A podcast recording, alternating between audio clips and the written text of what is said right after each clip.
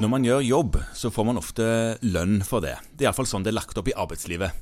Det er en sånn en del av avtalen og Det er en liksom del av- ja. kontrakten i arbeidslivet. Det. Stemmer. Og da er det jo veldig gøy at man kan få lønn for å drive omsorg. Ja. ja. Mange vil jo si at de burde hatt mer lønn for å drive omsorg. Ja, omsorgslønn. Ja, det er et begrep. Ja, det er et begrep. Ja. Altså, det er ikke bare et begrep, det er en ting. Det er noe ja. du kan få. Ja, du kan få det. Eller det heter jo egentlig ikke det. Nei, men det gjør seg be Starten på podkasten ble veldig mye bedre med lønn. Ja, men, men- du vil fram til at det heter Nei, altså hvis man går inn og leser om det på Nav, så heter det omsorgsstønad. Ok. Ja, Ja. For dette er, ikke, dette er ikke et yrke du får lønn for sånn sett. Nei, og du lønnes egentlig ikke for dette arbeidet, men du får en stønad Mm. fordi du påtar deg omsorgsarbeid. Som kommunen f.eks. ellers måtte gjort. Ja, og det er litt av faktisk veldig godt poeng, for det er en del av hovedpoenget at du utfører et arbeid som, som kommunen ellers måtte ha gjort, og du må på en måte ta deg fri fra din egen jobb Ja. for å gjøre denne jobben. Det kan jo f.eks. være hvis man har en, en alvorlig syk ektefelle som man ønsker å pleie, eller dersom man har et alvorlig sykt barn med økt hjelpebehov, eh, som gjør at du på en måte må stille opp mer enn det som er forventet. Ok. eh, men er det det som skal til? At du har, du har det behovet, og, og det var det? Ja, eh, det må litt mer enn det til. For det første så må kommunen da gjøre en vurdering av at det faktisk er det fornuftige at det er du som yter denne omsorgen. Så, så det er ikke noe du kan si at jo, jeg vil gjøre det, hvis det er den dårlige løsning, f.eks. Altså, da, da kan kommunen si at nei, vi ønsker faktisk at her er det mer forsvarlig at vi går inn med et vanlig i gåseøyne hjelpetilbud. Og så er det sånn at du må da søke om dette. Ja, hvem søker du til? Er det Nav du søker til? Søke til kommunen. Du søker til Så kommunen. de og- fleste kommuner har på sine hjemmesider en sånn link til hvordan søker du om omsorgsstønad. Men hvem, hvem er, det, er det du som, som på en måte pårørende som søker, eller Ja. er det fastlegen som er involvert? i Nei, dette? altså det er du som pårørende som må søke. Så du tenker at vi snakker om dette fordi fastlegen skal vite hva det er?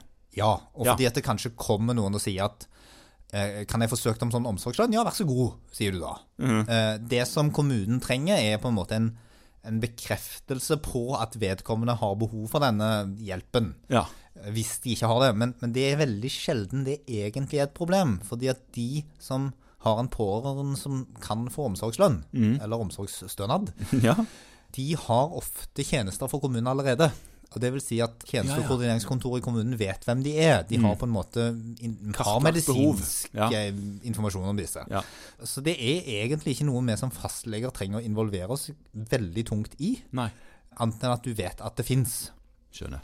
de kan jo ikke sykemeldes for dette, f.eks. Nei.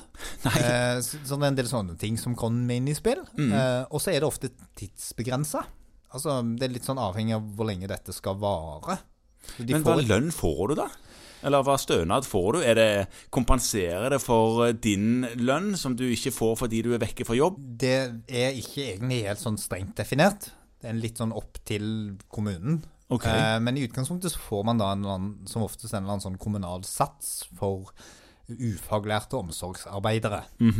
Så hvis du har en eller annen annen godt betalt jobb, så vil du ikke få kompensert tilsvarende. Og så hvor mye man får, er litt ut ifra hvor mange timer hjelpebehovet er estimert til. Ok. Så det er ikke sånn, sånn at hvis du er hjemme hele tiden, at du får betalt for hele tiden. Det er den tiden de tenker at du yter en tjeneste Mm. som de ellers ville ha gjort, og der det er det mest fornuftige at du gjør det. Ok. Eh, Det får du da kompensert. Så har det for gammelt da vært noen sånne situasjoner der man ble ansatt i kommunen. Ja, men det, ja. og da var det lønn. Da var det Eh, omsorgslønn, Men nå, da. nå er det på en måte mer at man er en kontraktør inn, og har man, da har man ikke noe ansettelsesforhold. Man har en ren sånn kompensasjon. Mm. Og den er tidsbegrensa. Det er ikke sånn at man eh, går inn på en avtale som bare utover Altså helt til den personen du yter omsorg for, ikke trenger den omsorgen mer. Jo, det er ofte det som på en måte ligger i tidsbegrensningen, Ok. og det prøver man å estimere et eller annet om. Eh, Men da er det som det med en del andre sånne vedtak i kommunen og i Nav, at den løper til en eller annen dato, og så kan man eventuelt søke en forlengelse da, hvis behovet fortsatt er til stede. Men, men kravet her er at det er et omsorgsbehov, det er det? Ja, og at det er mest fornuftig at du, som da har søkt om denne omsorgsstønaden, Ja.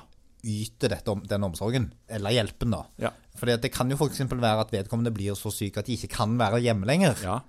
Eh, Da bortfaller jo det momentet med at eh, du er den mest fornuftige til å yte tjenesten. Da bortfaller også stønaden. Man kan ikke få omsorgslønn fordi man drar og besøker en pleietrengende mor på sykehjem. Nei. Nei.